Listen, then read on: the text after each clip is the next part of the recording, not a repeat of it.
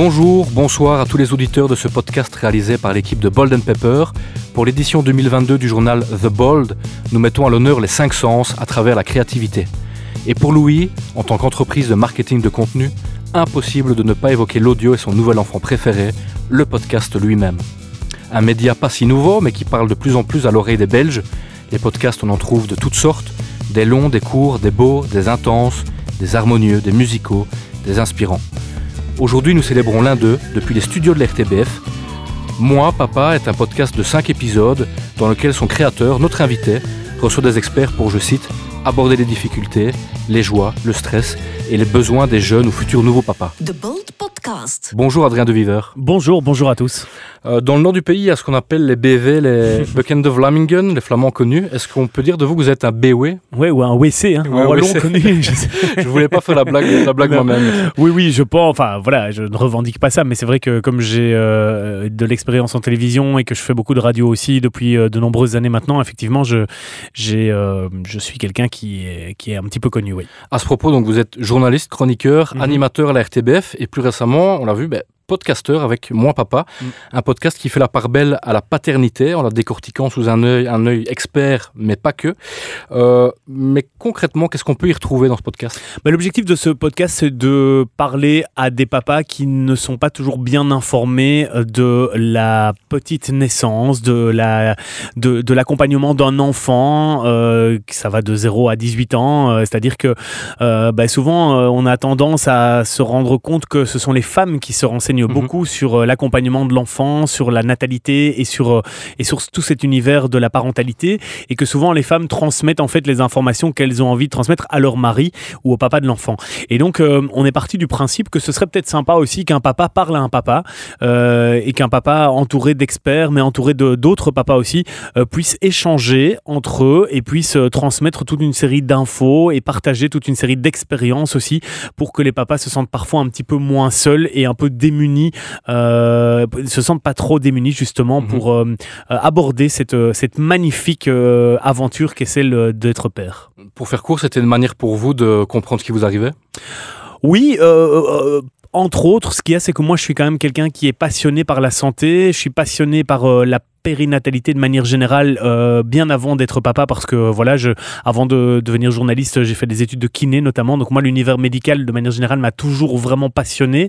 Et donc euh, j'ai mis un peu en application effectivement au moment où mon fils est arrivé au monde tout ce prérequis que j'avais déjà et je trouvais que ça m'a sans doute beaucoup aidé euh, pour aborder les nombreuses difficultés qu'on rencontre avec un enfant en bas âge. Et je me suis dit que c'était important de pouvoir partager ça aussi avec des futurs papas, voire des papas déjà actuels, mais qui manquaient un peu d'outils. Et quel est l'objectif alors de ce podcast euh, Moi Papa? Est-ce que c'est plutôt pour divertir, informer, sensibiliser? Bah, Je dirais que euh, c'est un peu comme, comme tu l'as expliqué dans, dans, ton introduction. Euh, c'est beau, c'est long, c'est court, ça, ça apporte de la musicalité, ça apporte de l'info aussi. En fait, c'est ça vraiment que j'essaye de transmettre dans mon univers de podcast. C'est effectivement d'informer, mais tout en le faisant de manière très légère, avec de l'humour, avec des larmes parfois aussi, parce que dans la deuxième saison qu'on est en train de produire pour le moment, j'ai donné la parole aussi à pas mal de papas qui viennent raconter leur expérience. Et donc, euh, mon objectif, c'est pas spécialement euh, de dire si vous écoutez ce podcast, après euh, les 10 minutes de podcast que vous avez entendu, vous aurez 43 informations que vous allez pouvoir diffuser autour de vous et utiliser avec vos enfants. Non, mon objectif, c'est d'entrer dans un univers. Et dans cet univers, il y a plein de choses. Il y a de l'humour, il y a de l'amour, il y a des émotions, il y a des difficultés, il y a des conseils. Et donc, l'objectif, c'est vraiment de se mettre dans une bulle pendant 10, 15, 20 minutes. Et je trouve que le podcast est le meilleur média pour ça. On va en parler juste après, mais avant toute chose, pourquoi avoir euh, choisi d'en discuter premièrement avec des, avec des experts et via l'interview? Pourquoi ne pas faire un récit ou même une fiction sur la vie d'un nouveau papa? Alors, parce qu'on a un peu essuyé les plâtres, très, très clairement. Euh, on ne savait pas très bien où on allait aller. On ne se rendait pas très, très bien compte de l'impact que ce podcast allait avoir auprès des, des, oreilles attentives. Donc, on s'est dit, on va plutôt faire la transition de manière très soft, c'est-à-dire euh, partir un peu d'un modèle radiophonique euh, assez classique euh, qui existait déjà dans la grande forme que j'anime tous les jours. c'est une émission de santé sur Vivacité. Et donc on s'est dit, bah, on va tout doucement bifurquer vers un univers effectivement plus podcast, plus poétique, plus, moins institutionnel. Et, et, donc, je trouvais que c'était pour cette première saison une bonne porte d'entrée. et là, maintenant, pour la deuxième saison qu'on est en train de produire, on entre déjà beaucoup plus dans un univers intime, un univers de confidence. Et ça, c'était vraiment mon objectif. Mais il fallait d'abord qu'on fasse cette transition pas trop abrupte. Et cette confidence, le podcast mhm. s'y prête très bien. bien sûr. Mais pourquoi avoir euh, voulu traiter via l'audio et pas forcément mais via euh, un autre canal, via la télévision, via un magazine, via euh, le web Mais il y a plusieurs raisons. La première, c'est que je trouve que hum, la vie de papa ne doit pas spécialement être hum, vécue visuellement, enfin racontée visuellement. C'est-à-dire que il y a de la pudeur en fait dans les familles et c'est tout à fait logique et ça me paraît même normal en fait de pas avoir, envie spécialement de montrer sa famille, de, perturber l'enfant avec des caméras aussi. Donc euh, voilà, ça c'est une première chose, c'est cette, pudeur et ce respect de l'enfant. Et puis la deuxième chose, c'est qu'un média comme euh, le podcast, mais la radio aussi de manière générale, permet de créer, de raconter des histoires avec des mots qui sont parfois plus beaux que euh, des images. Et donc je trouvais que ces deux éléments-là étaient assez logiques, enfin conduisait vers une logique très claire d'aller vers un podcast. Est-ce qu'on s'adresse forcément à un public euh, d'audiophiles ou alors c'est vraiment un média qui est accessible? Non, je pense que c'est un média qui est accessible. Maintenant, c'est vrai que euh, le podcast reste encore euh, un, ovni dans la société wallonne, en tout cas. Et, donc, c'est vrai qu'on n'a pas encore tendance à, à, basculer vers la radio ou en tout cas l'audio à la demande, alors qu'on l'a déjà fait depuis quelques années maintenant avec, avec la télévision. Mais, mais donc, je dirais que c'est un peu ouvert à tous. et et, c'était ça aussi l'objectif de cette euh, transition pas trop abrupte, c'était de ne pas rentrer directement dans un univers très confidentiel où, les gens se seraient peut-être un peu perdus. Et donc, euh, je crois qu'il y a vraiment, chacun peut y trouver son compte. Euh, moi, j'explique souvent que les podcasts que j'écoute, c'est dans ma bagnole parce que c'est vraiment le moment, je trouve, qui s'y prête. Et donc, c'est beaucoup plus accessible du coup. Oui, tout à fait, c'est beaucoup plus accessible. Et puis, le fait que la RTBF soit aussi dans dans l'énergie de ce podcast-là permet à des personnes qui n'ont pas encore découvert cet univers de, de pouvoir y mettre un pied et ce que je trouve qui est important aussi, euh, c'est de pouvoir bien euh, euh, labelliser les podcasts. C'est-à-dire qu'il existe beaucoup de podcasts qui ne sont uniquement que des replays d'émissions.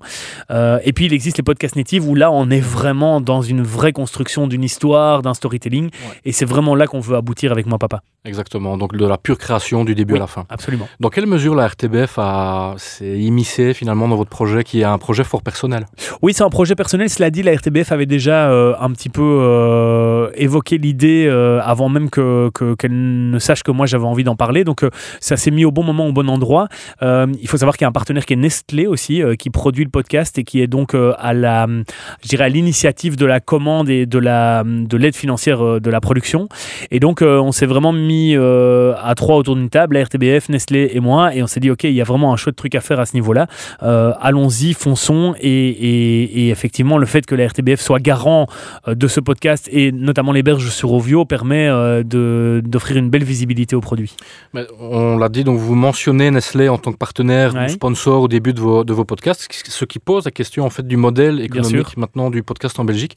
Est-ce qu'on est obligé de passer par du sponsoring? Alors, je pense pas qu'on soit obligé de le faire. Ici, en l'occurrence, euh, ça se mettait bien parce que voilà, Nestlé euh, proposait de, de, financer le podcast. C'est vrai qu'il y a encore une sorte de flou, je dirais, juridique, financier et économique autour du podcast en se disant, mais moi j'ai envie de raconter plein d'histoires, mais comment est-ce que je vais faire pour trouver le pognon pour le faire?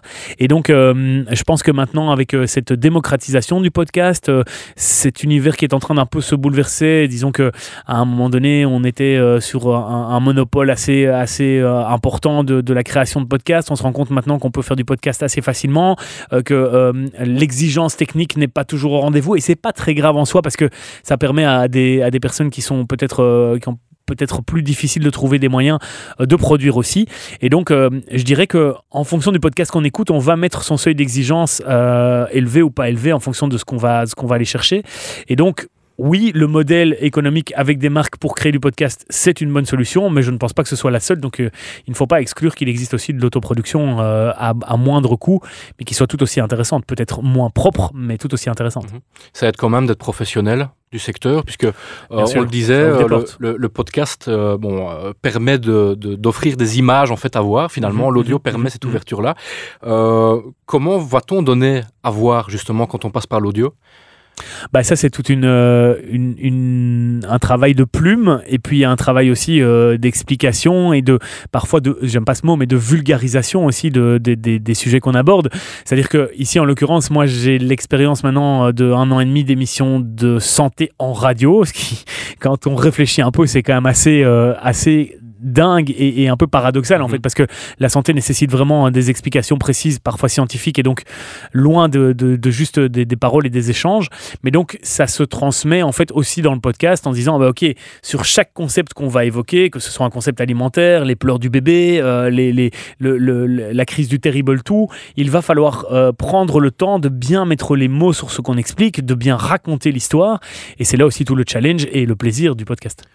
Maintenant, d'un côté, on va dire plus technique, Mhm. euh, vous avez décidé de, de- de sélectionner, de choisir un format de 20 minutes Ouais. et une série de 5 épisodes. Est-ce qu'il y a une raison à, à cela? Non, pas vraiment. Euh, disons que c'est un peu comme ça qu'on s'est dit qu'on allait pouvoir fidéliser un peu les gens sans faire une trop longue série parce que quand c'est trop long, les gens souvent euh, décrochent. Le 20 minutes, ça a été longuement débattu parce que certaines écoles prônent des podcasts de 10-12 minutes maximum, d'autres prônent un temps illimité quasi, hein, avec des, des formats assez récurrents de, de 30, 40, 45 minutes parfois. Euh, ici, en l'occurrence, de nouveau, c'est un peu dans une optique de d'essuyer les plâtres et de se dire, ok, on va tenter un format de 20 minutes. On s'est rendu compte que ça fonctionnait plutôt pas mal, euh, que peut-être que en Belgique, les distances entre euh, entre deux points sont plus similaires à 20 minutes qu'à 45 minutes pour des Parisiens qui sont dans les embouteillages. Donc voilà, je, pense que hum, il y a pas, on n'a pas décidé que c'était 20 minutes pour une raison particulière. C'est juste qu'on s'est dit, dans ce format-là, on va le tenter, on verra bien. Est-ce que vous aurez rencontré des difficultés à produire cette série de podcasts si vous étiez, entre guillemets, un particulier? Euh, Est-ce sans que doute c'est un exercice qui est, entre guillemets, excluant? Pour le produire? Pour le produire, de A à Z C'est-à-dire donc la Ouais, pré-production c'est surtout la diffusion, la je pense, est, c'est surtout la diffusion qui est la plus, la plus compliquée à mettre en place, à mon avis, parce que trouver des diffuseurs, euh, je ne sais pas exactement comment ça fonctionne pour euh, avoir accès à, à de la diffusion sur euh, les grandes plateformes de partage de podcasts, mais, euh, mais, mais la production en tant que telle, et c'est ce que j'expliquais tout à l'heure, le fait que le produit ne soit pas très propre techniquement, c'est pas très grave si le sujet est hyper intéressant et que et qu'en fait ça, ça nous concerne, on va l'écouter. Maintenant, effectivement, c'est trouver des canaux de diffusion qui sont parfois un peu plus compliqués et surtout trouver des canaux pour promouvoir le podcast qui est compliqué. Donc, bien sûr, quand on travaille dans les médias, c'est nettement plus évident de pouvoir euh, créer un produit et de pouvoir le faire résonner partout. Quoi. Je rappelle euh, par ailleurs que le podcast est disponible gratuitement sur la plateforme RTBF Ovio. Ovio, oui, Le- on, peut, ouais. on peut avoir accès à toute la série. Euh, pour terminer cet entretien, Mhm. Adrien, quel conseil euh, donneriez-vous à quelqu'un qui veut se lancer dans le podcast? Alors, premièrement, comme créateur, et ensuite peut-être même pour convaincre un client de coproduire un podcast. Je pense que ce qui, ce qui est très important, et c'est ce que moi j'ai fait, c'est écouter énormément de podcasts et plein de podcasts différents. Ne pas se cantonner à certaines thématiques qu'on aime bien, mais c'est vraiment aller chercher plein de trucs. Moi, je me suis vraiment, j'ai vraiment commencé à écouter plein de podcasts différents. J'ai écouté des podcasts au- sur, liés, liés au sport, j'ai écouté des podcasts liés à l'histoire, j'ai écouté des podcasts sur le développement personnel. J'ai vraiment essayé d'aller un peu partout pour essayer de comprendre la tonalité, de comprendre euh, l'importance des mots, de chaque mot Chercher de choisi. l'inspiration. Ouais, aussi. chercher de l'inspiration aussi, mais, mais vraiment essayer de, de capter un peu cet univers. Ça, c'est une première chose.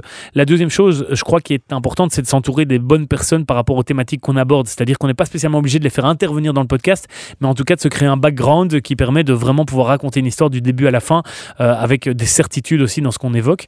Et puis, euh, et puis la troisième chose, je crois que c'est très important aussi euh, de choisir les bonnes personnes pour pouvoir produire et réaliser de manière technique aussi le, podcast et donc de se renseigner un petit peu sur ce qui existe pour le moment chez nous. Je sais qu'il y, y a un super studio à Bruxelles où on a fait les podcasts de Nestlé, mais je crois qu'à Liège aussi ça commence à se développer maintenant. Donc il y a, y y y pas mal de choses qui sont mises en place euh, pour que ce podcast puisse devenir euh, une norme chez nous. Ce serait chouette. Merci, Adrien de d'avoir partagé votre expérience. Chers auditeurs, merci à vous aussi d'avoir été à l'écoute. On vous laisse maintenant l'édition de notre journal The Bold entre les mains pour que vous poursuiviez votre parcours à travers les sens. C'est tellement important de ressentir les choses. À bon entendeur.